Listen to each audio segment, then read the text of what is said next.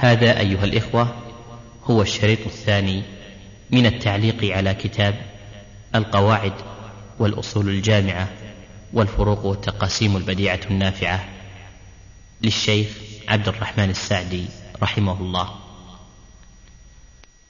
ومثله الحيل التي بماذا تحيل يوسف بوضع الصواع في رحل أخيه.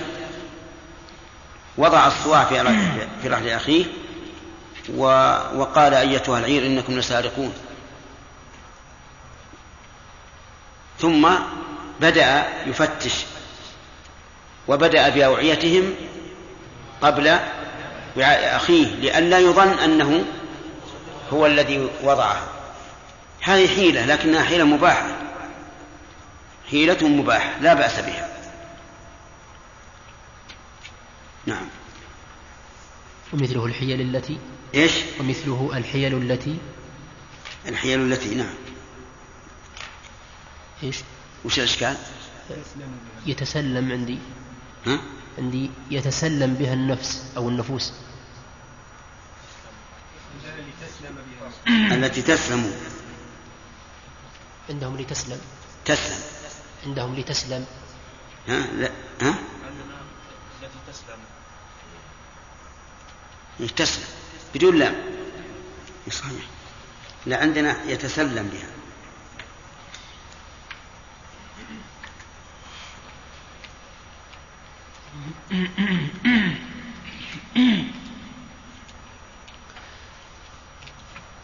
نعم.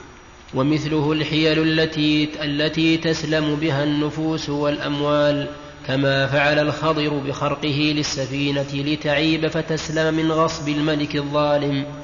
فالحيلة تابعة للمقصود حسنها وقبحها. ومن فروعها أن الله قال نعم فالح فالحيلة تابعة للمقصود حسنها وقبيحها.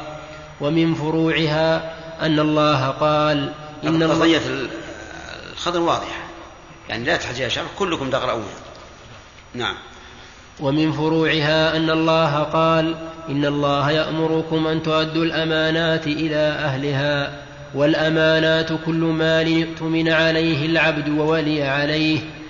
وولي. نعم. وولي عليه. من وديعة؟ نعم. من وديعة وعين مؤجرة ومرهونة وولاية مال يتيم ونظارة وقف عندنا وولى عليه وولى عليه زمنا زمنا لا ما ما لا معنى. وولى عليه زمنا؟ زمنا لا لا ما هو صحيح. نعم. وولاية مال يتيم ونظارة وقف ووكيل ووصي ونحوها فكلها يجب حفظها في حرز مثلها لأنه من لوازم الأداء. وكذلك الإنفاق عليها إذا كانت ذات روح ومن وسائل ومن وسائل أدائها عدم التفريط والتعدي فيها. قول المؤلف رحمه الله الأمانات كل مال ائتمن عليه العبد. هذه من الأمانات وليست هي الأمانات كلها. آه، لأن الأمانات كل ما اؤتمن عليه العبد من مال أو حق أو وصية أو غير ذلك. ومنها تحميل السلام. إذا قال لك شخص سلم لي على فلان وقلت نعم والتزمت به فإن عليك الأمانة. فإنه عليك أمانة. إذا حدثك بحديث وقال بيني وبينك فهذا أمانة. إذن الأمانات كل ما اؤتمن عليه العبد من مال أو حق فإنه داخل في الآية الكريمة. أما بالنسبة للمال فالمال الذي يعتبر أمانة نعم فالمال الذي يعتبر قابضه أمينا كل مال حصل بيد الإنسان بإذن من الشارع أو بإذن من المالك فهو أمانة. كل مال حصل بيد الإنسان بإذن من الشارع أو إذن من المالك فهو أمانة. قولوا لي الإذن من الشارع مثل إيش؟ كولي اليتيم. ولي اليتيم مال اليتيم بيده. حصل بإذن من الشارع. بإذن من المالك كالوكيل والوصي والناظر. هؤلاء ثلاثة. الوكيل في الحياة الوصي بعد الموت. الناظر على الوقف في الحياة أو, أو بعد الموت بعد الموت. فمثلا إذا قلت لفلان إذا قلت لفلان خذ هذا بيعه أخذه. ماذا نسميه؟ نسميه وكيلا. وإذا أوصى شخص بشيء من ماله يصرف في أعمال الخير بعد موته فأخذه الموصى إليه سمي وصيا. وإذا أوقف الإنسان شيئا وقال يا فلان أنت الناظر عليه فإنه يسمى ناظرا. نعم. شيخ بارك الله فيكم. كثير من الناس يغلب عليهم مع حسن القصد الجهل نعم. واحد منهم إذا رأى مثلا رجلا طلق زوجته وتحسر عليها طلاقا بائنا. ذهب وتزوجها ونيته أن يحللها للأول نعم. دون علم منه بتحريم ذلك فإذا علم الزوج بعد الزوج الأول يعني بعد أن يتزوجها ظن منه أن هذا تزوجها لغرض له فيها فهل عليه فهل يعتبر زواجه باطل؟ زواج الأول الأول ولا المحلل؟ المحلل تزوجها وطلقها دون علم الزوج الأول ولا الزوجة أنه إنما فعل ذلك لأجل أي نعم. الاعتبار بنية الزوج الزوج الثاني. نعم. سواء علم الزوج الأول أو المرأة أم لم يعلم. بنية الزوج الثاني يعني المحلل المحلل طيب إذا علم الزوج الأول. إذا علم أنه أنه تزوجها للتحليل حرم عليهما التزوج. طيب كان قد تزوج. يفسخ بينهما يفسخ العقد طيب نعم. في سؤال يا عبد الله. نعم. إيش؟ ها؟ ما اتضح؟ طيب. آه استدان فقير من من شخص دينا إلى سنة. حلت السنة. فقال الدائن للمدين إما أن آه، اقضي الدين. قال اقضي الدين. قال ما عندي. قال تدين مني. أبيع عليك هذه السيارة تساوي خمسين بستين. فيشتريها المدين ثم يبيعها بخمسين. ثم يعود إلى الدائن ويعطيه خمسين. فإذا حدث السنة الثانية فعل مثل هذا. فصار يقلب عليه الدين ها؟ لا إذا عادها لل... صارت عينة لكن إذا باعها على غيره صارت قلب كيف الفائدة؟ الفائدة أنه ربح هو باعها باعها بستين وهي تسعة وخمسين ربح ولا ما ربح؟ أسألك. وش ربح؟ نعم يا عبد الله عوض. أحسن الله إليك قاتل مثلا قتل شبه عمد مثلا من قتل مثلا يعني مورثة مثلا أو مثلا شبه عمد إيه. هل يلحق ب يعني ب يلحق بالخطأ. يلحق بالخطأ. نعم. يعني يرث على قول الراجح نعم يرث يا شيخ يرث. الدية. ها؟ الدية. الدية لا يرث منها.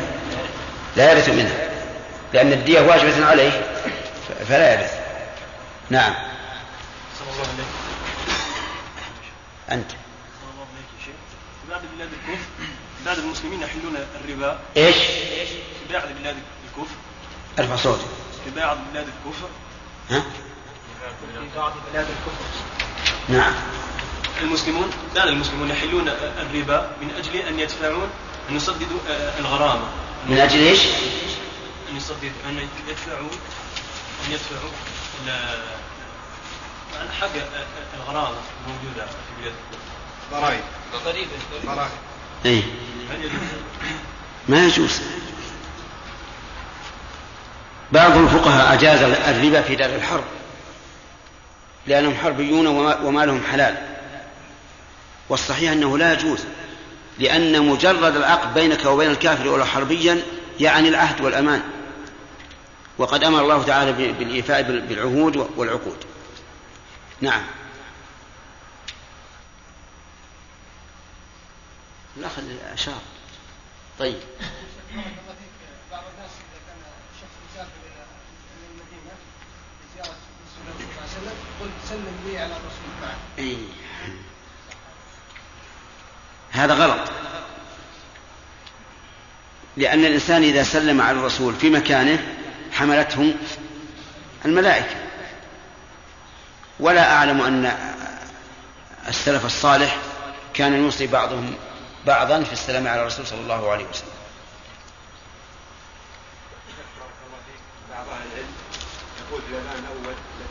يقول يقول الاذان الأول الذي الجمعة. إن الذي إذا انتهت العدة التي من اجلها شرع عثمان رضي الله عنه الاذان نعم. لا نؤذن أي نعم. ان الاذان عندها لا لا يؤذن كما قلت. قول غلط. نحن نفعله إحياء للسنة. ولو كان هذا التعليل صحيحا لقلنا إذن لا يؤذن في البلد إلا واحد. لأن مكبر الصوت يسمعه كل أهل البلد. فنحن نثبته اتباعا لهذه السنة. نعم. قول يوسف على نبينا عليه الصلاة والسلام إنكم لسارقون مع أنهم ما بشروا السرقة وهو الذي وضعها التورية نعم. هذا من باب التورية ثم أن الذي أذن مؤذن ليس هو يوسف. الذي أذن غير غير يوسف. فيجوز أن هذا جاهل أو ما أشبه ذلك. فإما أن يكون من باب التورية وإما أن يكون جاهلا. ثم إنه أيضا ربما يكون إنكم لسارقون باعتبار الواقع. لأن يوسف عليه الصلاة والسلام ما علم هذا المنادي أنه وضعها في رحل أخيه. فلا إشكال فيها. إذا كان المؤذن غير يوسف ما في إشكال. نعم. إيش؟ نعم. هل يقال كاد الله تعالى. إنهم يكيدون كيدا. وأكيد إي نعم. يحكي. على الإطلاق لا. لكن كيد الله للإنسان هذا مدح. نعم؟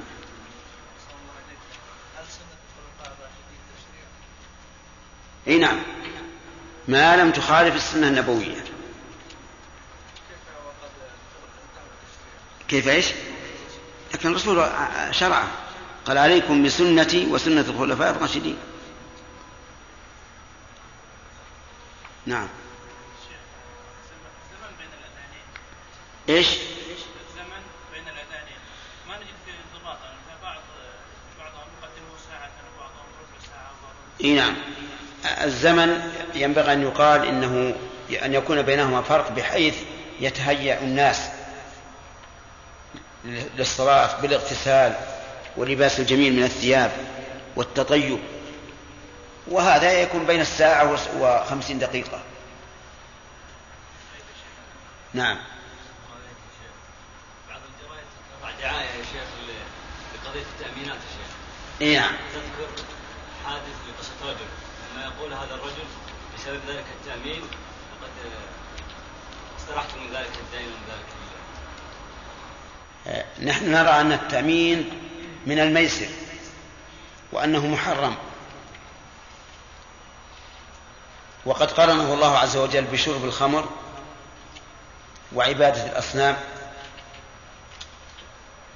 والأزلام فهو محرم. لكن الناس نسأل الله العافية كالإبل إذا نفرت واحدة نفر الجميع. وإن استقرت استقر الجميع. بالنسبة للبلاد التي لا يكون هناك فرق في الزمن بين الاذانين في يوم الجمعة نعم. ولا يمكن أن يجعل فرقا بين الأذان الأول والثاني اللي هو إمام المسجد. هل السنة أن يؤذن أذان واحد أو يؤذن أذانين؟ هذا ليس باختيارك. ولا باختيار أحد. إذا كان إمام. حتى الإمام في الجمعة في مثل هذا المسجد الذي تشير إليه ما يستطيع أن يقول قدم وأخر إذا كان يستطيع يقول قدم. قدم الأذان. لا يستطيع أن يقدم الأذان لكن يستطيع أن يقول أذن أذانا واحدا. نعم. آه واحدا. نعم. إيه. لكن لو قدم الأذان سيكون شاذ بالنسبة للبلد إذا كان يستطيع أن يلغي هذا الأذان فحسن. يلغى. واحد. يكون أذان واحدا نعم. انتهى وقت الأسئلة الآن. آه، درس. نعم. ومن فروع هذا الأصل؟ أن الله حرم الفواحش وحرم قربانها بكل وسيلة يخشى منها وقوع المحرم. طيب في في ضمن ما الفرع الفرع السابق. كذلك الإنفاق عليها إذا كانت ذات روح. الإنفاق عليها إذا كانت ذات روح يعني كرجل أعطاك شاة له. قال هذه عندك أمانة. يجب عليك أن تنفق عليها. إذا كانت ذات روح. يجب عليك أن تحفظها عن البرد في أيام الشتاء وعن الشمس والحر في أيام القيض فإذا قال إذا أنفقت عليها فإن النفقة تستوعب قيمتها وزيادة. فالجواب إن كان قد أذن لك وقال إن رأيت أن الإنفاق عليها آه، أكثر من قيمتها فبعها فهنا إذا رأى أن الإنفاق عليها أكثر من قيمتها وجب عليه أن يبيعها وإن قال له أنفق عليها ولو زادت قيمة الإنفاق عليها آه، على قيمتها. وجب عليه أن يبقيها ولو زادت قيمة الإنفاق عليها على قيمتها. لأنها قد تكون غالية عند صاحبها ولا يهمه أن ينفق عليها كثيرا. وإن لم يقل هذا ولا هذا فيجب أن ينظر إلى الأصلح. فعندنا الآن عندنا ظاهر وهو قوله خذ هذا فإن ظاهر إيداعه إياها أن ينفق عليه. ولو كان يريد أن يبيعها لقال له فإن زادت قيمة الإنفاق عليها فبيعها ولما لم يقل ذلك قلنا الأصل أن هذه ملك لصاحبها ولا يجوز لك أن تتصرف في ملكه إلا بإذنه. نعم. طيب عدم التفريط والتعدي. ما الفرق بين التفريط والتعدي؟ التفريط ترك ما يجب والتعدي فعل ما لا يجوز. فمن لم يحفظها عن البرد ماذا نقول له؟ مفرط. ومن حملها أكثر مما تتحمل فهو متعدي. نعم. فروع هذا الأصل أن الله حرم ومن فروع. نعم. ومن فروع هذا الأصل أن الله حرم الفواحش وحرم قربانها بكل وسيلة يخشى منها وقوع المحرم كالخلوة بالأجنبية والنظر المحرم. ولهذا قال النبي صلى الله عليه وسلم من وقع في الشبهات وقع في الحرام فالراعي يرعى حول الحمى يوشك أن يقع فيه. ألا وإن لكل ملك حمى ألا وإن حمى الله محارمه. ومن فروعها النهي عن كل ما يحدث العداوة والبغضاء كالبيع على بيع المسلم والعقد على عقده والخطبة على خطبته وطلب الولاية والوظيفة إذا كان فيها أهل. كما أن من قوله فروعها رحمه الله إذا كان فيها أهل مفهوم إذا لم إذا لم يكن أهلا فلا حرج. أن تطلب الوظيفة. لو كان ال- ال- الرئيس أو المدير على هذا هذا العمل غير أهل غير كفر خائن لا يقوم بالواجب ويعطي ال- العمال الذين عنده يعطيهم ما لا يستحقون إما أن يكتب لهم عمل خارج دوام وهم لا يعملون أو ما أشبه ذلك. فهنا له أن يطلب الوظيفة. لأنه بطلبه هذا محسن. إلى من؟ إلى الدولة ولا أو إلى الموظف؟ لا لهما جميعا. أما الدولة فظاهر. وأما هذا الموظف فلأنه منعه من الظلم. لأن هذا الموظف كل ساعة تمر به فهو آثم. فإذا طلب وظيفته وعين فيها منعه من الإثم.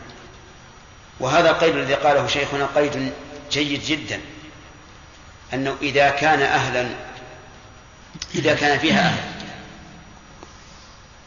نعم. كما أن من فروعها الحث على كل ما يجلب الصداقة من الأقوال والأفعال بحسب ما يناسب الحال. وقد خرج عن هذا الأصل النذر لحكمة اختص بها. كل ما يوجب العداوة والبغض بين المسلمين فإنه حرام. هذه قاعدة عامة شاملة سواء في البيع في النكاح في الولايات في أي شيء. ودليل ذلك قوله تبارك وتعالى إنما يريد الشيطان أن يوقع بينكم إيش؟ العداوة والبغضاء في الخمر والميسر.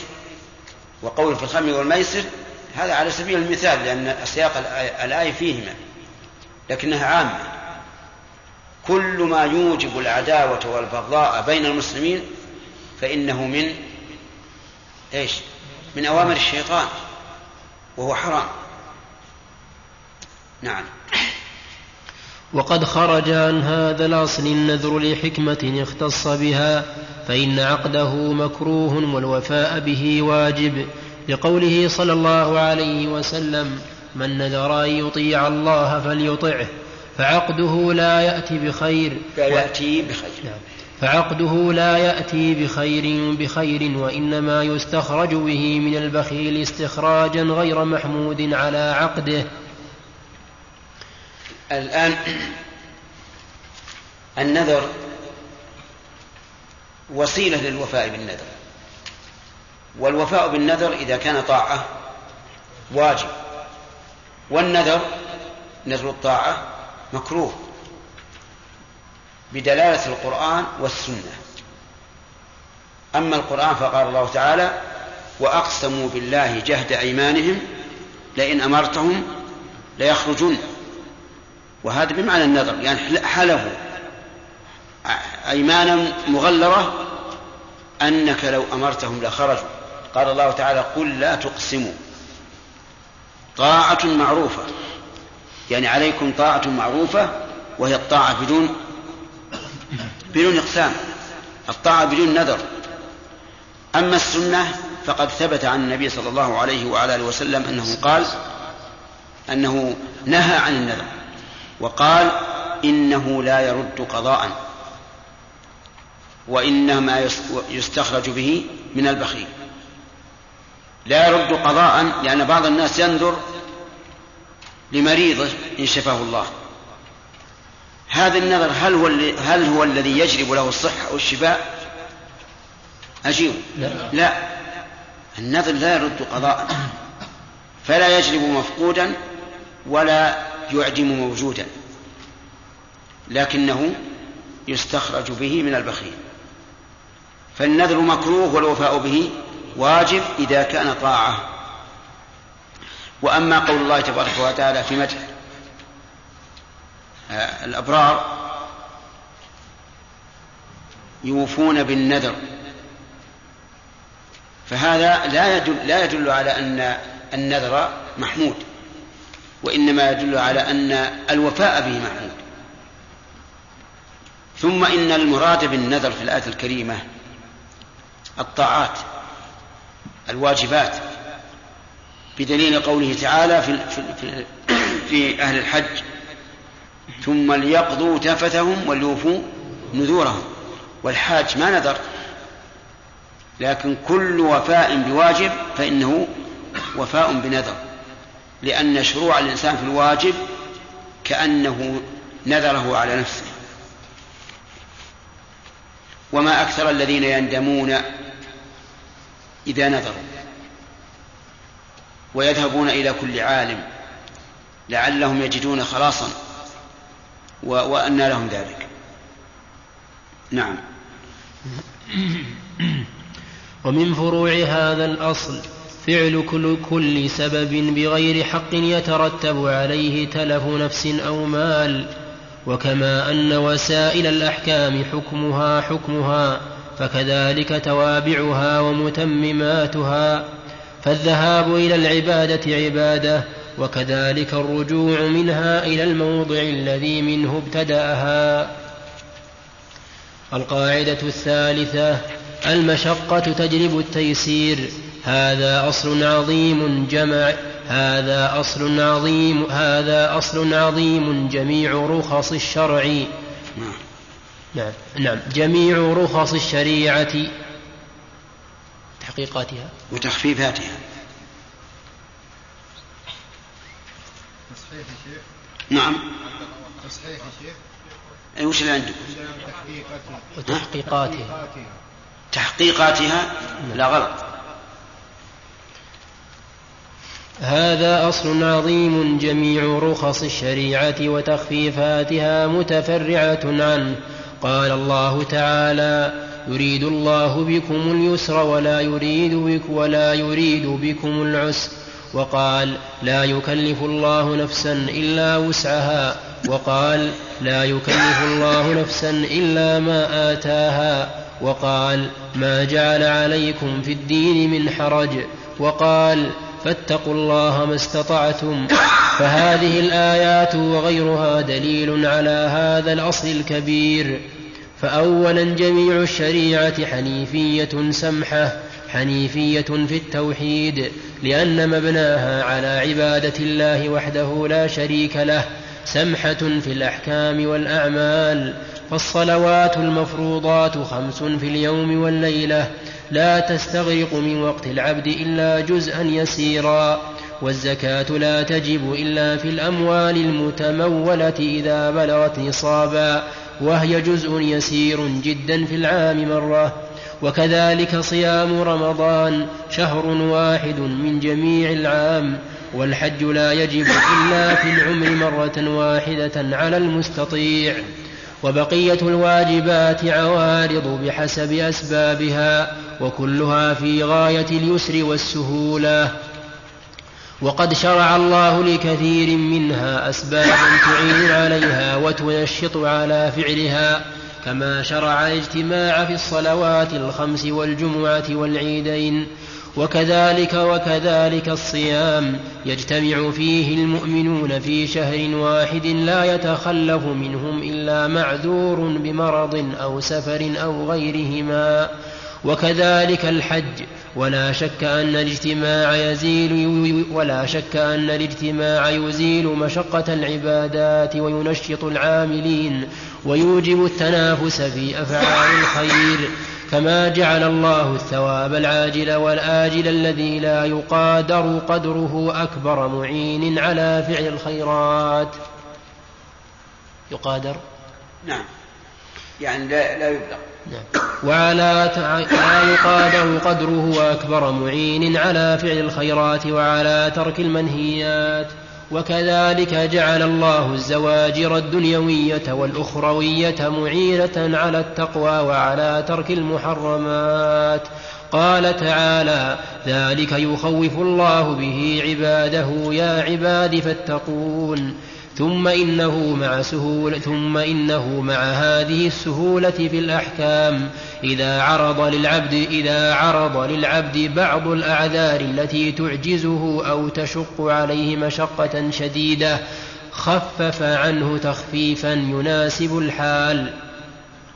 فيصلي المريض الفريضة قائما فإن عجز صلى قاعدا فإن عجز فعلى جنبه ويومئ بالركوع والسجود ويصلي بطهارة الماء فإن شق عليه صلى بالتيمم وكذلك رخص السفر وكذلك رخص السفر تتفرع عن هذا الأصل لأن المسافر مظنة المشقة فأبيح له قصر الرباعية إلى ركعتين والجمع بين الصلاتين والفطر في, رمضان. نعم. والجمع بين الصلاتين والفطر في رمضان والمسح ثلاثة أيام بلياليها على الخفين. ومن مرض أو سافر كتب له ما كان يعمل صحيحا مقيما. ويتفرع عن هذا الأصل. الأعذار المسقطة لحضور الجمعة والجماعة ومن فروعها العفو عن الدم اليسير النجس والاكتفاء بالاستجمار الشرعي عن الاستنجاء وطهارة أفواه الصبيان. عن الدم اليسير النجس. يستثنى من هذا ما خرج من السبيلين فإنه لا يوفى عن يسيره.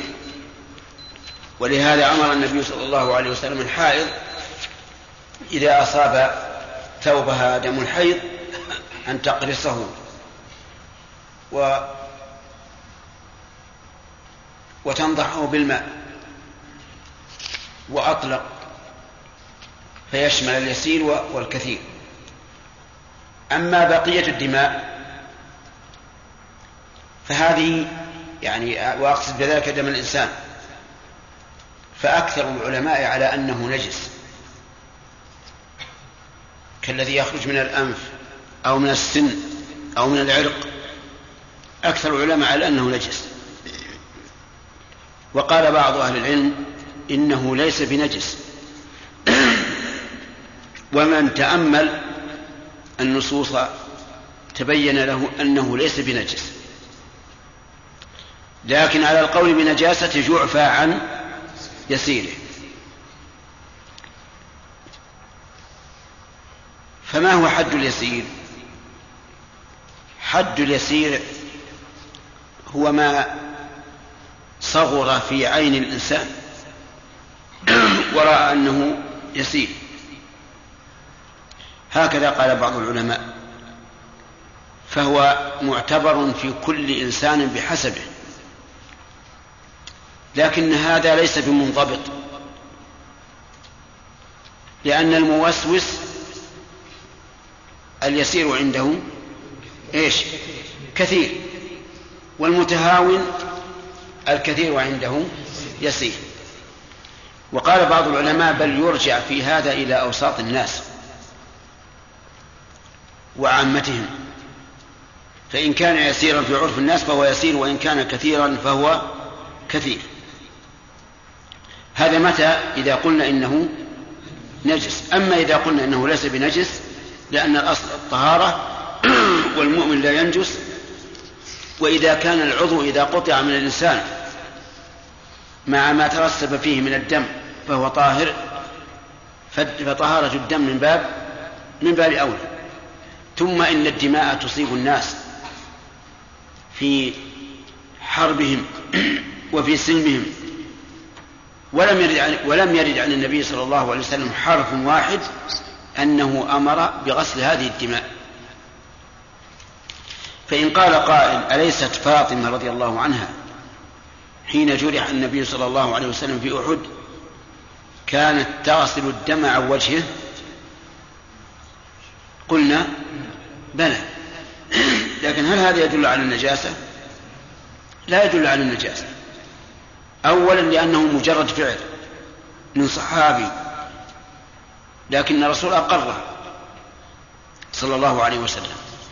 ثانيا أنه أنها تغسلها وجهه ليزول تلوث الوجه بالدم. من قال إنها تغسله من أجل النجاسة؟ فلهذا نرى أن القول الراجح أن أن دم الإنسان طاهر إلا ما خرج من السبيلين القبل أو الدبر. كما أن الدم الذي يخرج من غير السبيلين ولو كثر لا ينقض الوضوء.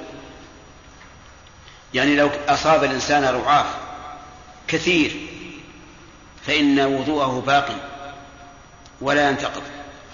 أو جرح الإنسان بزجاجة أو حديدة أو مسمار أو ما أشبه ذلك وخرج منه دم كثير فإن وضوءه باق لا ينتقض. لأن الأصل عدم النقل إلا بدليل. لكن لو توضأ الإنسان من أجل أن يعيد نشاطه وقوته فهذا لا بأس به. نرجو أن لا يكون به بأس. أما أن نقول إن وضوءه قد انتقض بلا دليل فلا, فلا يمكن.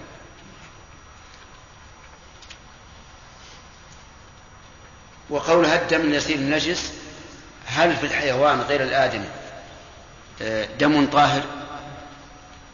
نعم. هو الذي يبقى بعد الذبح. الذي يبقى بعد الذبح ولو كان كثيرا طاهر. حتى لو طبخ الإنسان اللحم وظهرت وظهر أثر الحمرة في المرق فإنه طاهر. كل دم يبقى بعد الزكاة الشرعية فهو طاهر. نعم. انتهى الوقت. الله بسم الله الرحمن الرحيم. الحمد لله رب العالمين وصلى الله وسلم على عبده ورسوله نبينا محمد وعلى آله وصحابته أجمعين. قال شيخ عبد الرحمن بن ناصر السعدي رحمه الله تعالى في كتابه القواعد والأصول الجامعة. القافل في أثناء القاعدة الثالثة المشقة تجلب التيسير. قال ومن فروعها الاكتفاء العفو العفو. نعم ومن فروعها العفو عن الدم اليسير النجس والاكتفاء بسم الله الرحمن الرحيم. سبق الكلام على هذا وعند شيخ الإسلام رحمه الله أن جميع النجاسات يعفى عن يسيرها مع مع مشقة التحرز منها.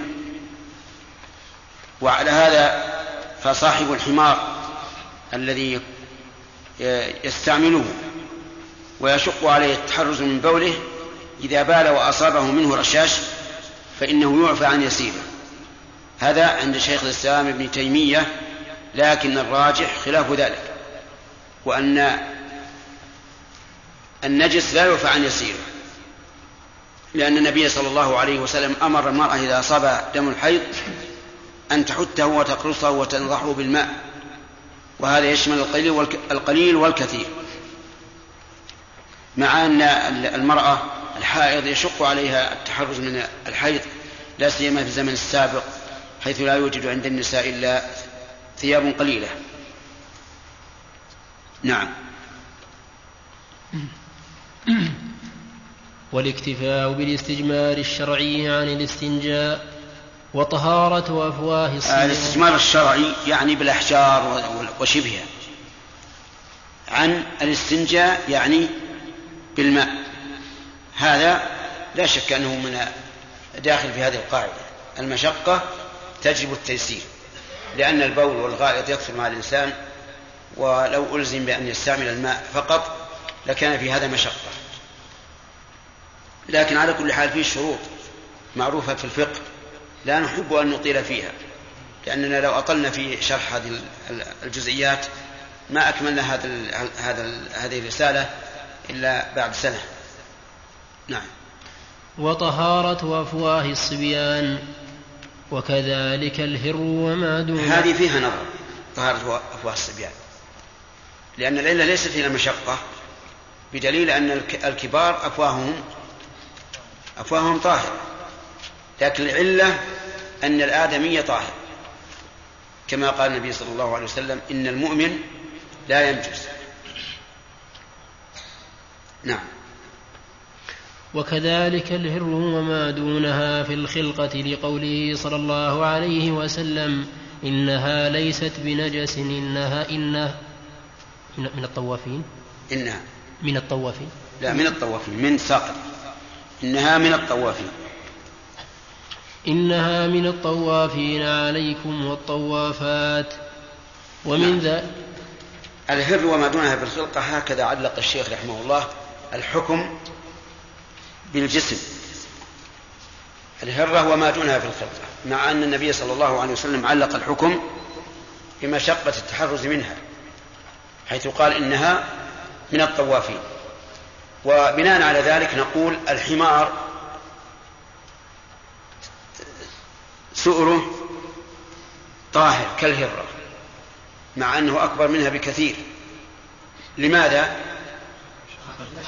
لأن لمشقة التحرز منه لأنها داخل في التعليل النبوي إنها من الطوافين عليكم وهذا القول هو الراجح أن العلة ليست هي الخلقة وكبر الجسم وصغر الجسم بل العلة إيش؟ مشقة التحرز منها. ولهذا قلنا بطهارة البغل وطهارة الحمار لمشقة التحرز منهما. نعم. ومن ذلك العفو عن طين الشوارع ولو ظنت نجاستها فإن علمت عفي, عفي منها عن الشيء اليسير. ومن ذلك الاكتفاء بنضح بول الغلام الصغير الذي لم يأكل الطعام لشهوة, لشهوة وقيئه. نعم هذا أيضا من من داخل في القاعدة.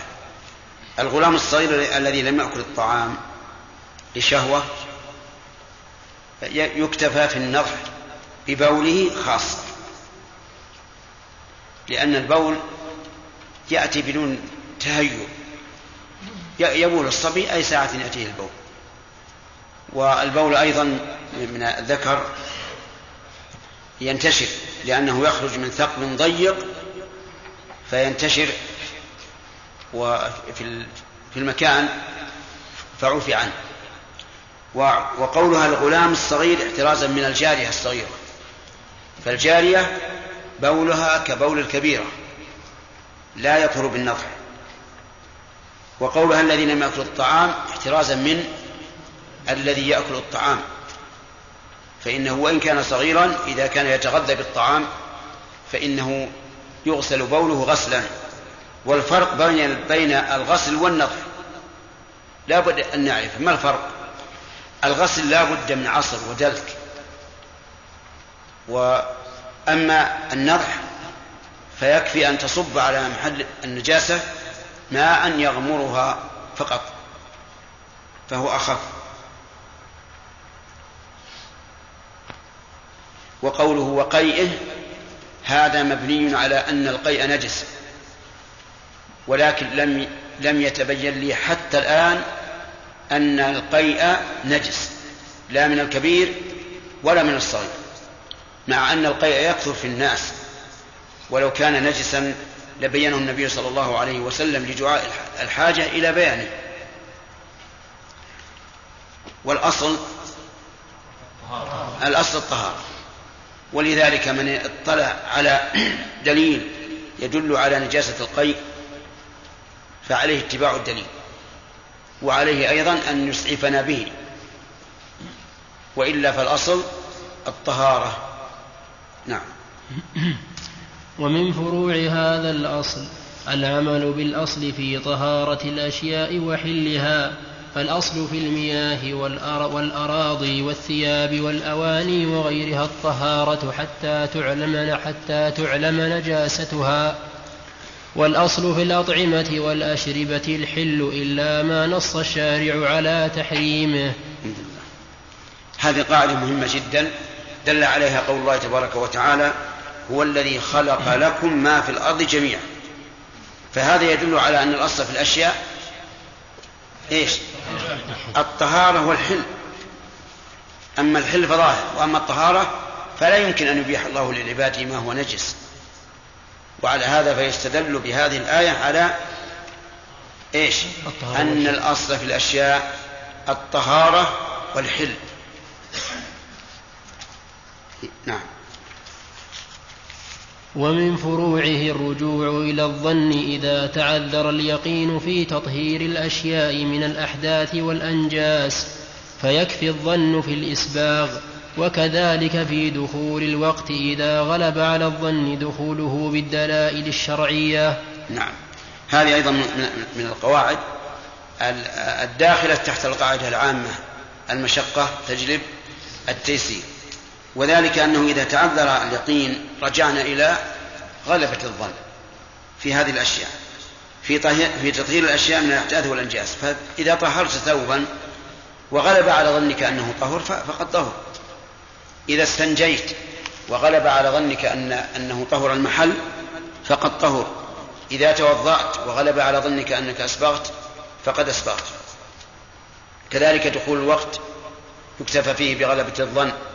في الصلاة وفي الفطر.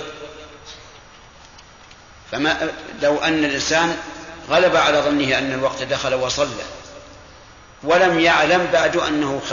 أنه قبل الوقت فصلاته إيش هي؟ صحيحة. لكن لو تبين بعد ذلك أنه صلى قبل الوقت فصلاته الأولى نفل ويجب عليه أن يصلي الفريضة. كذلك في في الفطر إذا كان صائما وغلب على ظنه أن الشمس قد غربت ثم أكل. ولم يتبين له أن أنها لم تغرب فصيامه صحيح. فإن تبين أنها لم تغرب فالقول الراجح أن صيامه صحيح أيضا. لأن فطره ليس ترك واجب ولكنه فعل محظور وفعل المحظور يعفى فيه عن الجهل يعفى عنه بالجهل والنسيان كما مرت علينا هذه القاعدة. نعم. ومن فروعه أن المتمتع والقارن قد حصل لكل منهما حج وعمرة حج وعمرة تامان في سفر واحد. ولهذا وجب عليهما الهدي شكرا لهذه النعمة ويدخل في هذا الأصل إباحة المحرمات للمضطر. وإذا هذا المتمتع والقارن الفرق بينهما أن المتمتع إذا أتى بالعمرة حل من إحرامه والقارن لا يحل إلا يوم العيد. ولهذا عمل القارن والمفرد سواء ووجوب الدم على القارن والمتمتع سواء أيضا. وهذه المسألة فيها إجماع وفيها جمهور. أما الإجماع فهو أن المتمتع عليه الهدي لأنه بالنص الصريح فمن تمتع بالعمرة إلى الحج. وأما القارن فأكثر العلماء على ذلك أنه كالمتمتع بناء على أنه أسقط النسكين في سفر واحد. لكن على القول الأول على قول غير الجمهور أن المتمتع هو الذي يلزمه الهدي. يقولون لأن الهدي في مقابل التمتع بما أحل الله له من العمرة إلى إلى الحج لا أنه سقوط السفر. وهذا لا شك أنه ظاهر القرآن. وهذه المسألة فيها إجماع وفيها جمهور.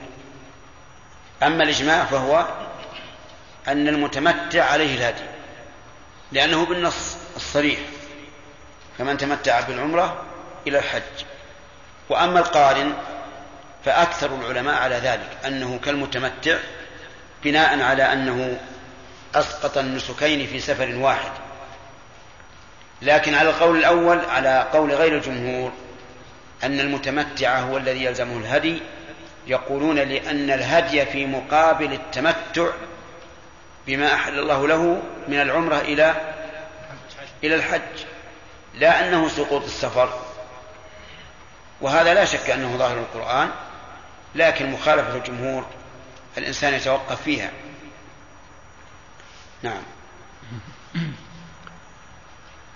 ويدخل في هذا الأصل إباحة المحرمات للمضطر وإباحة ما تدعو إليه الحاجة كالعرايا كالعرايا وإباحة أخذ العوض وإباحة أخذ العوض في مسابقة الخيل والإبل والسهام وإباحة, وإباحة تزوج الحر للأمة إذا عدم الطول وخاف العنت. نعم. إباحة المحرمات المضطر داخلة في هذا الأصل. المشقة تجلب التيسير. وإباحة المحرمات للمضطر في القرآن الكريم. وقد فصل لكم ما حرم عليكم إلا إلا ما اضطررتم إليه. فإن قال قائل لو اضطر الإنسان المريض إلى شرب دواء محرم هل يجوز أو لا؟ الجواب لا يجوز. أولا لأنه لا ضرورة للدواء. فكم من مريض شفاه الله؟ بإيش؟ بدون بدون دواء. ثانيا أن الضرورة لو سلمنا أن هناك ضرورة لا تندفع بالدواء. كم من إنسان تناول كل ما قيل من دواء لهذا المرض ولكنه لم يشفى. إذا فلا ضرورة. ثم نقول لا يمكن أن يكون في فيما حرم الله تعالى علينا شفاء لأنه لو كان فيه خير ما حرمه الله علينا. إذن لا يجوز التداوي بالمحرم مطلقا. استثنى العلماء من هذا مسألة يعني نادرة الوقوع وهي لو غص الإنسان بلقمة لحمة أو لف خبزة كبيرة وغص وليس عنده إلا كاس من الخمر. فله إيش؟ أن يشرب لدفع الغصة فقط. ثم يمسك. لأن لأن هنا فيه ضرورة لشرب السائل. وفي وفيه أيضا انتفاع الضرورة بشربه لأن هذا السائل الذي هو الخمر يتبع اللقمة التي غص بها. أما العرايا فنسأل آه، الأخ عنها. ما هي العرايا؟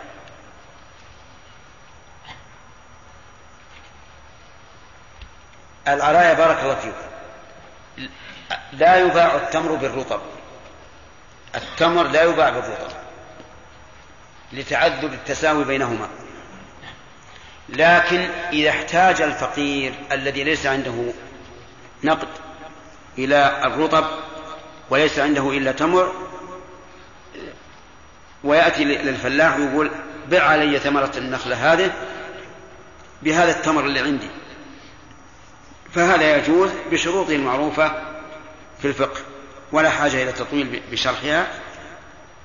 إذا العرايا بيع الرطب إيش؟ بالتمر على رؤوس النخل.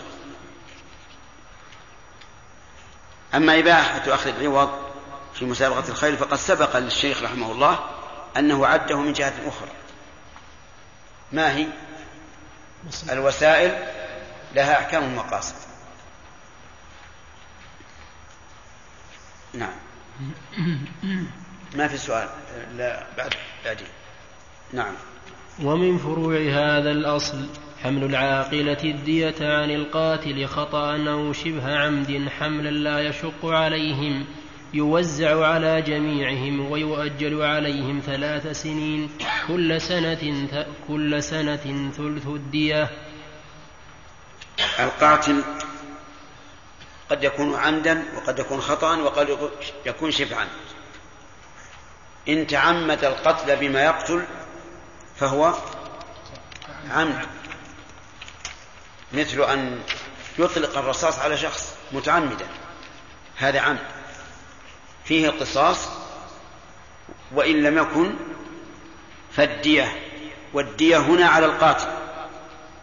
ليس على على عاقلته منها شيء. لأن المتعمد ليس أهلا للرحمة. الثاني خطأ بأن يفعل الإنسان شيئا له فعله. مثل أن يرمي صيدا فيصيب آدميا. هذا خطأ.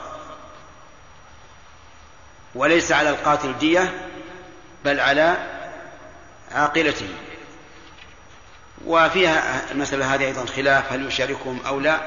وإذا تعذر تحميل العاقلة هل يحملها القاتل؟ ليس هذا موضع ذكره. الثالث شبه عمد وهو أن يتعمد الفعل بما لا يقتل. تعمد الفعل بما لا يقتل. مثل أن يضرب الرجل بصوت ثم يموت من الضرب. هذا شبه عمد لأنه إن نظرنا إلى القصد قلنا عمد. وإن نظرنا إلى أن هذه الآلة لا تقتل قلنا خطأ. فجعله العلماء شبه عمد وشبه العمد ملحق بالخطأ في وجوب الكفارة وفي كون الدية على العاقلة ويخالفه أيضا في في أصناف الدية وليس هذا أيضا موضع البسط. نعم.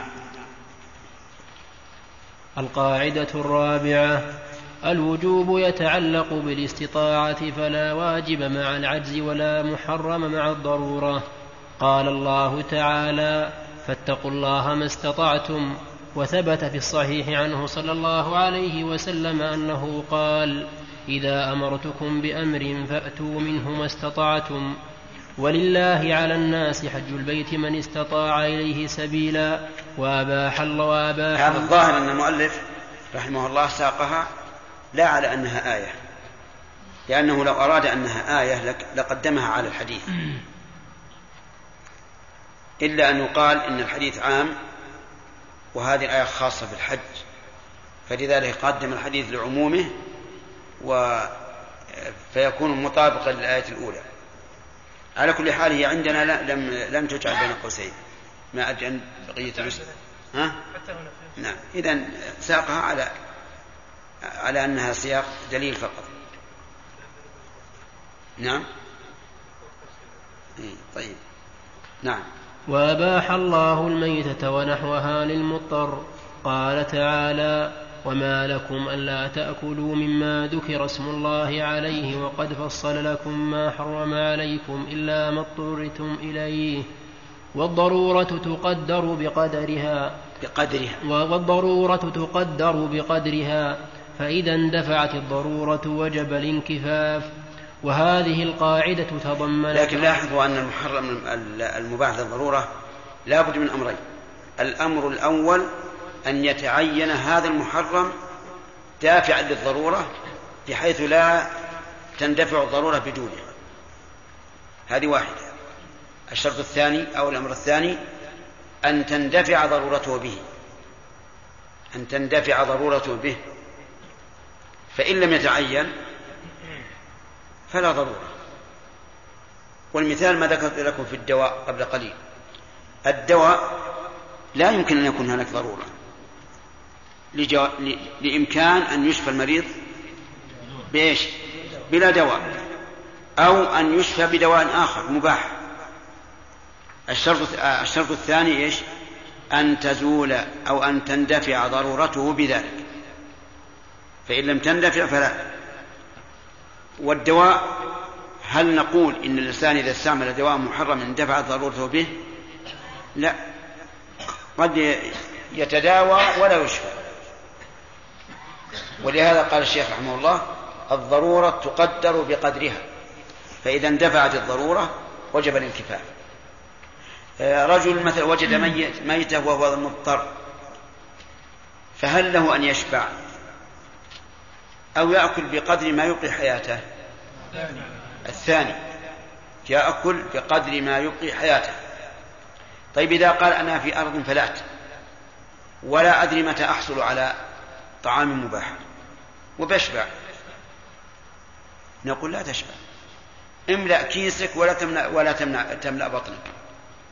خذ من الميتة بكيس أو نحوه فإن اضطررت إليه فكل وإلا فلا. أفهمتم؟ طيب. بعض العلماء يقول له الشبع ولكن الذي يظهر أنه ليس له الشبع. ياكل بقدر ما تندفع الضرورة ويحمل معه ما يحتاج إليه في المستقبل. نعم. وهذه القاعدة تضمنت أصلين كما ذكره في الأصل. فيدخل في الأصل الأول كل من عجز عن شيء من شروط الصلاة أو أركانها أو واجباتها فإنها تسقط عنه ويصلي على حسب ما يقدر عليه مما يلزم فيها. الشيخ رحمه الله مر علينا أنه ينتقل عن ضمير المتكلم إلى ضمير الغائب. فهنا قال كما ذكره والمتوقع أن يقول كما ذكرناه أو كما ذكرت فالذي يظهر والله أعلم الذي يظهر لي أنه سلك هذا المسلك من باب التواضع حتى فيكني عن نفسه عن ضمير النفس بضمير الغائب. لأن الإنسان إذا كما ذكرته أو كما ذكرناه أو ما أشبه ذلك قد يشعر بأنه يعني آه، ذو قول وذو اعتماد أو أو ما أشبه ذلك. فالظاهر والله أعلم أن الشيخ رحمه الله أراد أن أراد التواضع في هذا التعبير. نعم. والصوم من عجز عنه عجزا مستمرا كالكبير الذي لا لو قال قائل هذا فيه شيء وهو أنه قد يفهم القارئ أنه يشرح مؤلفا لغيره. إذا قال كما ذكره في الأصل مثلا نقول ندفع هذا بأن الكتاب معلوم أنه هو الذي ألفه وهو لم يقل في مقدمته إني أشرح كتاب غيري أو ألفاظ غيري مثلا. نعم. والصوم من عجز عنه عجزا مستمرا كالكبير الذي لا يطيقه والمريض مرضا لا يرجى برؤه أفطر. أفطر وكفر عن كل يوم عن كل يوم إطعام مسكين. ومن عجز عنه لمرض يرجى زواله أو لسفر أفطر وقضى عدة أيامه إذا زال عذره. والعاجز عن الحج ببدنه إن كان يرجو زوال عذره. هذا أظن معلوم للجميع. المريض إذا أتى شهر رمضان إن كان لا يرجى برؤه أطعم عن كل يوم مسكينا. وإن كان يرجى برؤه انتظر حتى يشفيه الله وقضى. نعم. والعاجز عن الحج ببدنه إن كان يرجو زوال عذره صبر حتى يزول وإن كان لا يرجو زواله أقام عنه نائبا يحج عنه. وقال تعالى الكبير يقيم نائبا. عجيب. نعم لأن الكبر ما يمكن أن يزول. آه وقد جاء ذلك في الحديث. في المرأة التي قالت يا رسول الله إن أبي أدركته فريضة الله على عباده في الحج شيخا كبيرا لا يثبت على الراحلة. أبا حج عنه قال نعم. وأما إذا كان يرجى شفاؤه من المرض انتظر حتى يشفى وحج. نعم. وقال تعالى ليس على الأعمى حرج ولا على الأعرض ولا على الأعرج حرج ولا على المريض حرج. وذلك في كل عبادة توقفت على البصر أو الصحة أو سلامة الأعضاء كالجهاد وغيره.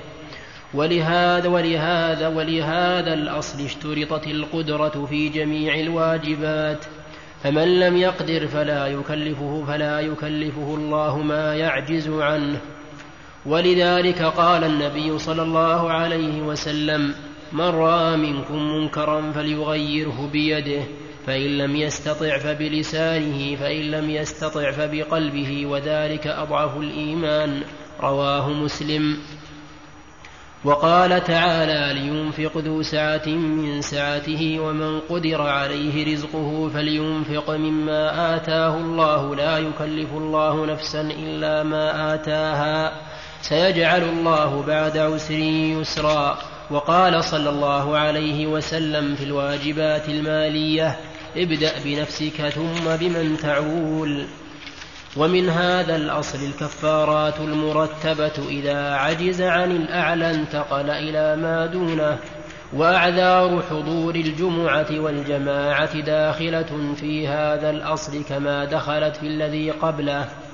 والضرورات تبيح للمح والضرورات والضرورات تبيح للمحرم. والضرورات تبيح للمحرم المحظورات ولكنه يفدي عنها جبرا لما فاته منها كما دخلت في الذي قبله ومن ذلك جواز الانفراد في الصف إذا لم يجد موضعا في الصف الذي أمامه لأن الواجبات التي هي أعظم من المصافة تسقط مع العجز بالاتفاق فالمصافة من باب أولى وأحرى. نعم. هذه مسائل واضحة والحمد لله. آه، وآخر المسألة هي أن الرجل إذا جاء الصف مكتمل فإنه يصلي وحده. يصلي وحده وصلاته صحيحة. وهذه المسألة من المسائل التي يحتاج إليها الناس. ولا بأس أن نبسط القول فيها. فمن الناس من يقول إن الإنسان يجوز أن يصلي وحده خلف الصف ولو بلا عذر. يعني وإن لم يكتمل الصف ويحمل قول النبي صلى الله عليه وعلى آله وسلم لا صلاة لمنفرد خلف الصف على نفي الكمال. كما قال لا صلاة بحضرة طعام ولا وهو يدافعه الأخبثان. وهذا القول هو مذهب مالك والشافعي وأبي حنيفة وأحمد في إحدى الروايتين عنه. فهو مذهب الثلاثة الأربعة الأئمة الأربعة الصحة إلا رواية عن الإمام أحمد وهي المشهور من مذهبه. القول الثاني أن الصلاة منفردا خلف الصف لا تصح مطلقا حتى وإن وجدت الصف تاما فإما أن تتقدم مع الإمام وإما أن تجذب أحدا وإما أن تنتظر داخلا فإن لم تجد فصل وحدك وهذا هو المشهور من مذهب الحنابلة رحمهم الله. واستدلوا بقوله صلى الله عليه وسلم لا صلاة لمنفرد خلف الصف. وبأن النبي صلى الله عليه وسلم رأى رجلا يصلي خلف الصف فأمره أن يعيد الصلاة. القول الثالث وسط. وسط بين القولين. يقول إن, إن وجد مكانا في الصف فصلاته خلفه غير صحيحة. وإن لم يجد فصلاته صحيحة.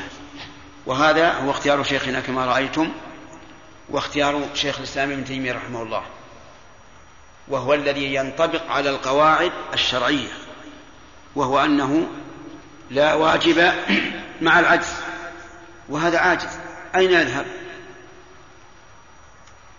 أسألكم. أين يذهب؟ ما له مكان. إن قلنا إن قلنا له اجذب أحدا فهذا غلط. يعني إذا جذب أحدا ترتب عليه مفاسد. أولا أنه نقل هذا الرجل من مكان فاضل إلى مكان مفضول وهذا عدوان. والثاني أنه شوش عليه صلاته. والثالث أنه فتح فرجة في الصف. هذه الفرجة إما أن يبقى الناس على أماكنهم فيبقى الصف مفتوحا. وإما أن يتراصوا فيلزم منه أن يتحرك كل الصف. إذا قال قائل يذهب يصلي مع الإمام. قلنا وهذا أيضا غلط. أولا أنه إذا قلنا اذهب مع الإمام لازم من ذلك تخطي الصفوف إن كان بينه وبين الإمام صفوف ولا بد أن يكون بينه ولو, صف ولو صفا واحدا. ثم إذا قلنا كن مع الإمام خالفنا بذلك السنة. لأن السنة أن الإمام يتقدم على المأمومين والآن صار معه واحد. ثم إذا قلنا اذهب وصل مع الإمام وجاء آخر. قلنا له اذهب وصل مع الإمام جاء ثالث. اذهب وصل مع الإمام. فصار الإمام صفا كاملا. لكن إذا قلنا للرجل صل الآن وحدك وإن جاء أحد وإلا فأنت معذور. كان هذا هو المطابق للقواعد الشرعية. وها هي المرأة لما لم يكن لها مكان مع الرجل في صفه صحت صلاتها وحدها. والمرأة عجزها عجز شرعي وهذا الذي وجد الصف تاما عجزه عجز حسي. فالقول الراجح أنه إذا كان الصف تاما فصل وحدك مع الإمام خلف الصف. ما جاء وقت الساس؟ جاء؟ جاي نعم. إذا صلى بعد الصلاة على هذه الصفة المنهية عنها يعني صلى ركعة خلف الصف وحده ثم جاء معه آخر أو انتهى الإمام من صلاته وكمل الصف الأول. هل يعيد كل الصلاة؟ كيف؟ إيش الكلام الطويل يا عريضة وش معناه؟ يعني إذا صلى بعض الصلاة على هذه الصفة المنهية عنها يعني ب... والصف تام يعني. يعني صلى منفردا خلف الصف والصف فيه فرد. طيب ما تصح صلاته من أصل. ثم اكتمل الصف. ما تصح صلاته يعيد كل الصف. يعيد كل الصلاة. نعم. أثر عائشه رضي الله تعالى عنها انها قصعت قطره من الحيض بريقها إيش؟ قصعت قطره من الحيض بريقها هل يعتبر من العفو عن الذنب اليسير أو يعتبر من ناحيه التيسير في قول الرسول خير من فعلها. قول الرسول خير من فعلها. نعم. شيخ هل يصح استعمال الخمر في الجروح شيخ؟ إي نعم. هذا إذا يعني آه، دواء ال- ال- ال- الجسم خارجيا بالنجس أو بالخمر إذا صح أنه مفيد لا بأس به لأن هذا ما يضر الإنسان. نعم. يتبين لي وجه ادخال اخذ العوض في مسابقة الخير في قاعدة المشقة تجلب التيسير. نعم. وجه ذلك أن أن مشقة الجهاد بدون بدون تمرين على آلاته ومعداته فيها صعوبة. فلا بد من التمرين أولا ثم آه، الاستعداد. نعم. آه، شيخ بارك الله فيكم الأصل في الأشياء الطهارة. إيش؟ الأصل في الأشياء الطهارة. نعم. فلو قيل أن هذا الدواء فيه خمر نعم. فهل يعمل بغلبة الظن أو أو لا يزول هذا إلا بيقين؟ لا الأصل أنه ليس فيه خمر. ثم إن العلماء رحمهم الله من ومنهم شيخ الإسلام جوز التداوي بالنجس في ظاهر الجسم. إذا لم يكن وقت الصلاة أو كان يمكنه أن يزيله عند الصلاة لأنه ما في ضرر. لكن بشرط أن نعرف أنه مفيد. نعم. عن إيش؟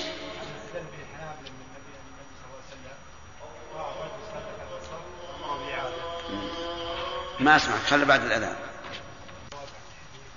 الذي استدل به الحنابلة أن النبي صلى الله عليه وسلم والرجل يصلي خلف الصف فأمره بالإعادة نعم. هل هو حديث ضعيف الجواب عن هذا الحديث؟ أن قوله رأى رجلا يصلي وحده خلف الصف يشير إلى أن الصف فيه مكان له فهو قضية عين ليست عموم- لفظ. فلعل هذا الرجل لم يكن له مكان في المسجد في في الصف. ما كان له مكان. لعل هذا الرجل كان له مكان في الصف لكنه لم يفعل. بقي أن يقال إذا سقط الواجب للعجز عنه هل يقوم غيره مقامه؟ في التفصيل. إن جاءت الشريعة ببدل له وجب البدل. فإذا سقط الوضوء لعجز الإنسان عنه فإنه إيش؟ يتيمم. لكن إن عجز عن التيمم أيضا التيمم ليس له بدل. فهل نقول لا تصلي؟ لأنك ما تطهرت لا بماء ولا ببدل أو نقول يسقط الأصل والبدل وصل. الثاني ولا شك. الثاني ولا شك. مثال آخر. رجل قتل نفسا خطأ. يلزمه عتق رقبة. لم يجد. يلزمه صيام شهرين متتابعين. لا يستطيع هل نقول تأتي بالبدل الثاني وهو أن تطعم ستين مسكينا؟ كما كان ذلك في الظهار وفي الجماع في نهار رمضان. أو نقول يسقط عنه الصوم إلى غير بدل الثاني. يسقط عنه الصوم إلى غير بدل. لأن الله تعالى لم يذكر في كفارة القتل إلا مرتبتين فقط. وهما العتق والصيام ولم يذكر الإطعام. فإذا قال هذا القاتل أنا لا أستطيع ليس عندي ما أشتري به الرقبة أو لا توجد الرقبة ولا أستطيع الصوم. قلنا الحمد لله على التيسير. يسقط عنك وليس عليك إطعام. فإن قال إن نفسي لا تطيب بذلك وإني أريد أن أطعم قلنا لا طابت نفسك إن لم تطب بالشرع تطيب نفسك على كل حال. ولا يمكن أن تتعدى حدود الله. ولو علم الله في الإطعام خيرا في هذا المقام في هذا المقام لشرعه لعباده سبحانه وتعالى. نعم. القاعدة الخامسة الشريعة مبنية على أصلين. الإخلاص لله والمتابعة لرسوله صلى الله عليه وسلم. هذان الأصلان شرط شرط لكل عمل ديني ظاهر كأقوال اللسان وأعمال الجوارح أو باطن كأعمال القلوب. قال الله تعالى ألا لله الدين الخالص؟ وقال وما أمروا إلا ليعبدوا الله مخلصين له الدين. والدين الذي أمروا بإخلاصه هو الإسلام والإيمان والإحسان كما فسره بذلك النبي صلى الله عليه وسلم في حديث جبريل وغيره. فهذه الأمور لا بد أن تكون. يشير إلى حديث عمر أن جبريل أتى النبي صلى الله عليه وعلى آله وسلم وسأله عن الإسلام والإيمان والإحسان والساعة وأشراطها وجعله المؤلف رحمه الله من حديث جبريل لأن جبريل هو السائل وإلا فمثل ذلك يعبر عنه عند المحدثين فيقال حديث عمر لكن لما كان كانت القصة مع جبريل وهي مشهورة بهذا عبر به عن راوي الحديث أصلا وهو عمر ولا حرج في هذا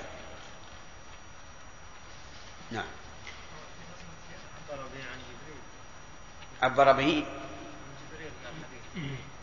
أي لكن هو حديث عمر في الحقيقة. فهذه الأمور لا بد أن تكون خالصة لله مرادا بها وجهه ورضوانه وثوابه. ولا بد أن تكون مأخوذة من الكتاب والسنة. وقال تعالى في متابعة الرسول وما آتاكم الرسول فخذوه وما نهاكم عنه فانتهوا. وقال في الجمع بين الأصلين ومن أحسن دينا ممن أسلم وجهه لله وهو محسن أي أخلص أعماله الظاهرة والباطنة لله وهو في هذا محسن بأن يكون متبعا لرسول الله. وفي عدة آيات وأطيعوا الله وأطيعوا الرسول. فالعمل الجامع للوصفين هو المقبول. وإذا فقدهما أو فقد أحدهما فهو مردود على صاحبه يدخل في قوله تعالى وقدمنا إلى ما عملوا من عمل فجعلناه هباء منثورا. وقال تعالى في نفقات المخلصين ومثل الذين ينفقون أموالهم ابتغاء مرضات الله وتثبيتا من أنفسهم كمثل جنة بربوة أصابها وابل فآتت أكلها ضعفين فإن لم يصبها وابل فطل والله بما تعملون بصير. وقال في نفقات المرائين والذين ينفقون أموالهم رئاء الناس ولا يؤمنون بالله ولا باليوم الآخر ومن يكن الشيطان له قرينا فساء قرينا. ومن ذلك أيضا الإخلاص في طلب العلم الشرعي. لا بد أن يخلص الإنسان في طلب العلم الشرعي بأن يريد به وجه الله والدار الآخرة. فإن أراد به دنيا فإنه آثم. من طلب علما مما يبتغى به وجه, وجه الله لا يريد إلا أن ينال عرضا من الدنيا لم يرح رائحة الجنة والعياذ بالله. فلا بد من الإخلاص في طلب العلم الشرعي وبناء على ذلك أشكل على كثير من أهل الصلاح والإيمان أن يدخل الإنسان الجامعات. ليتعلم منها من أجل أن ينال الشهادة. لأن أكثر الذين يدخلون في الجامعة مثلا إنما يريدون الشهادة. فقال إذن لا أدخل لا أدخله يخشى أن أن يحرم من دخول الجنة. فيقال نحن الآن في زمن. الشهادة لا اعتبار. في الوظائف الدينية والوظائف الدنيوية. ومن ليس له مع ومن ليس معه شهادة فإنه لا يمكن أن يتبوأ مكانا قياديا لا في التعليم ولا في القضاء ولا في إدارة الأمور. فإذا طلب العلم في الجامعة لنيل الشهادة ليتبوأ بها مكانا ينفع به المسلمين فهذا لا ينافي الإخلاص. لا ينافي الإخلاص بل هو من الإخلاص. لأنك لو سألت قال لماذا؟ قال لأني أريد أن أدرس أن أكون قاضيا أن أكون قائما على عمل يفيد المسلمين. وهذا لا يمكن الوصول إليه إلا إلا بالشهادة في عصرنا الحاضر. نعم.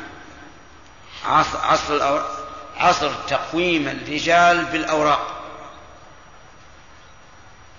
فإذا كانت هذه نيته فهي نية سليمة لا يعاقب عليها أما إذا قال أنا فقير أبي أطلب العلم في الجامعة علشان من أجل أني إذا أخذت الشهادة صرت في المرتبة كم؟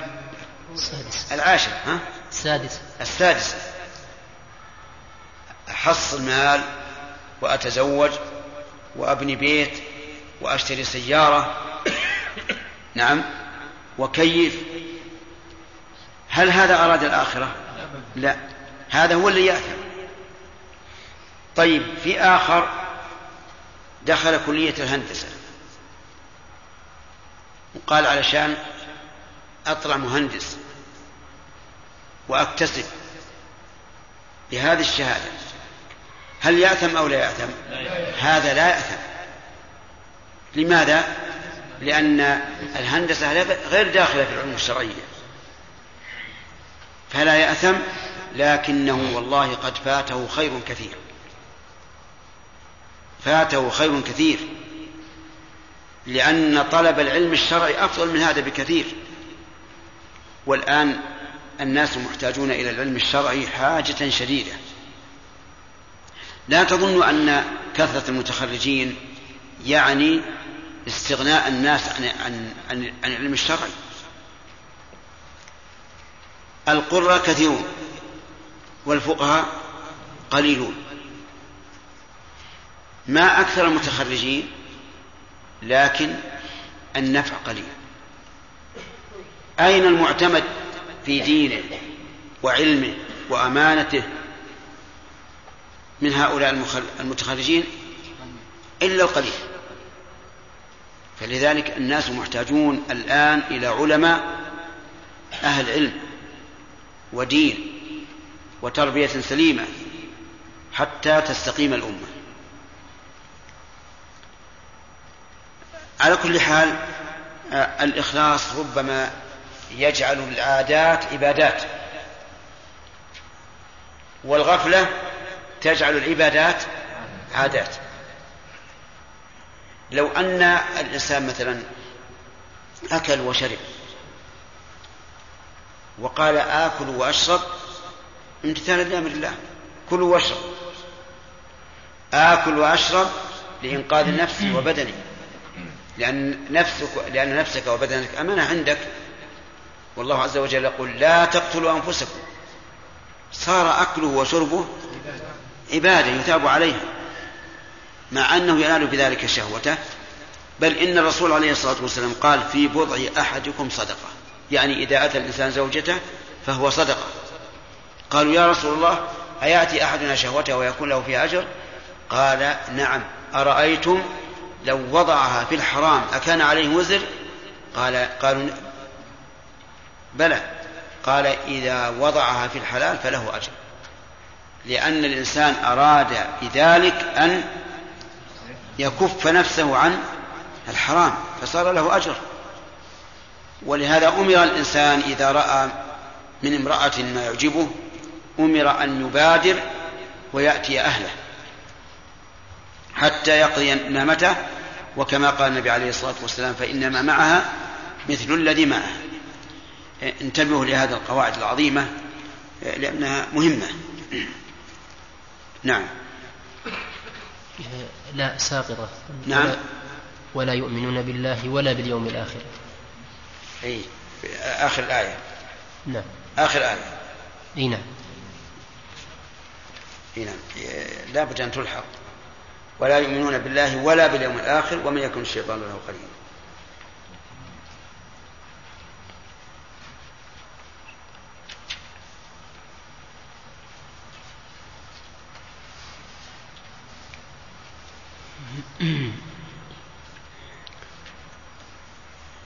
وقال صلى الله عليه وسلم في الهجرة التي هي من أفضل الأعمال وتفاوتها بتفاوت الإخلاص وعدمه فمن كانت هجرته إلى الله ورسوله فهجرته إلى الله ورسوله ومن كانت هجرته إلى دنيا يصيبها أو امرأة ينكحها فهجرته إلى ما هاجر إليه متفق عليه. وسئل عن الرجل يقاتل شجاعة ويقاتل حمية ويقاتل ليرى مكانه أي ذلك في سبيل الله. فقال من قاتل لتكون كلمة الله هي العليا فهو في سبيل الله. متفق عليه. فمن كان قصده في جهاده القولي والفعلي نصر الحق فهو المخلص. ومن كان قصده وغرضه غير ذلك فله ما نوى وعمله غير مقبول. وقال الله تعالى في الأعمال الفاقدة للمتابعة قل هل ننبئكم بالأخسرين اعمالا الذين ضل سعيهم في الحياة الدنيا وهم يحسبون أنهم يحسنون صنعا؟ وقال فإن لم يستجيبوا فإن لم يستجيبوا لك فاعلم أنما يتبعون أهواءهم ومن أضل ممن اتبع هواه بغير هدى من الله فالأعمال الصالحة كلها إذا وقعت من المرائين فهي باطلة لفقدها الإخلاص لفقدها الإخلاص الذي لا يكون العمل صالحا إلا به والأعمال التي يفعلها العبد لله لكنها غير مشروعة فهي باطلة لفقدها المتابعة. وكذلك وكذلك الاعتقاد وكذلك الاعتقادات المخالفة لما في كتاب الله وسنة رسوله كاعتقادات أهل البدع المخالفة لما عليه الرسول صلى الله عليه وسلم لما عليه الرسول صلى الله عليه وسلم وأصحابه. وكلها مردودة لقوله صلى الله عليه وسلم من عمل عملا ليس عليه أم ليس عليه أمرنا فهو رد متفق عليه من حديث عائشة رضي الله عنها.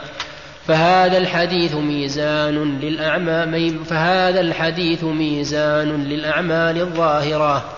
كما أن حديث عمر عنه صلى الله عليه وسلم إنما الأعمال بالنيات وإنما لكل امرئ ما نوى متفق عليه ميزان الأعمال الميزان الأعمال باطنا والإخلاص لله في كل شيء هو الذي وردت فيه نصوص الكتاب والسنة في الأمر به وفي فضله وثمراته الجليلة وفي بطلان كل عمل يفقده وفي بطلان كل عمل يفقده.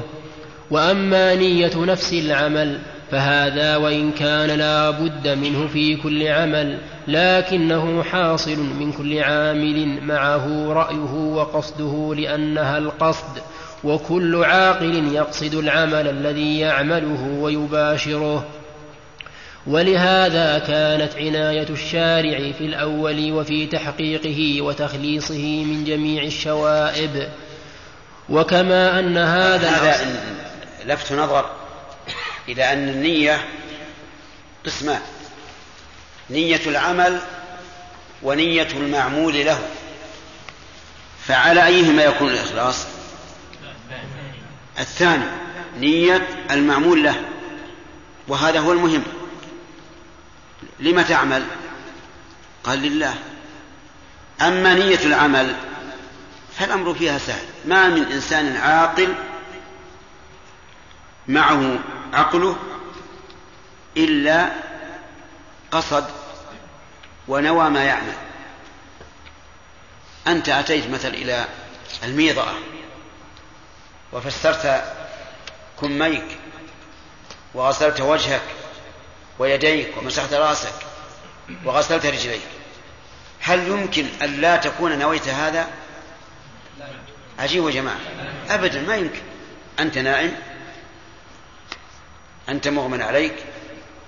أنت مكره. أبدا. إذا لا حاجة للنية. يعني لا حاجة للتكلف للنية.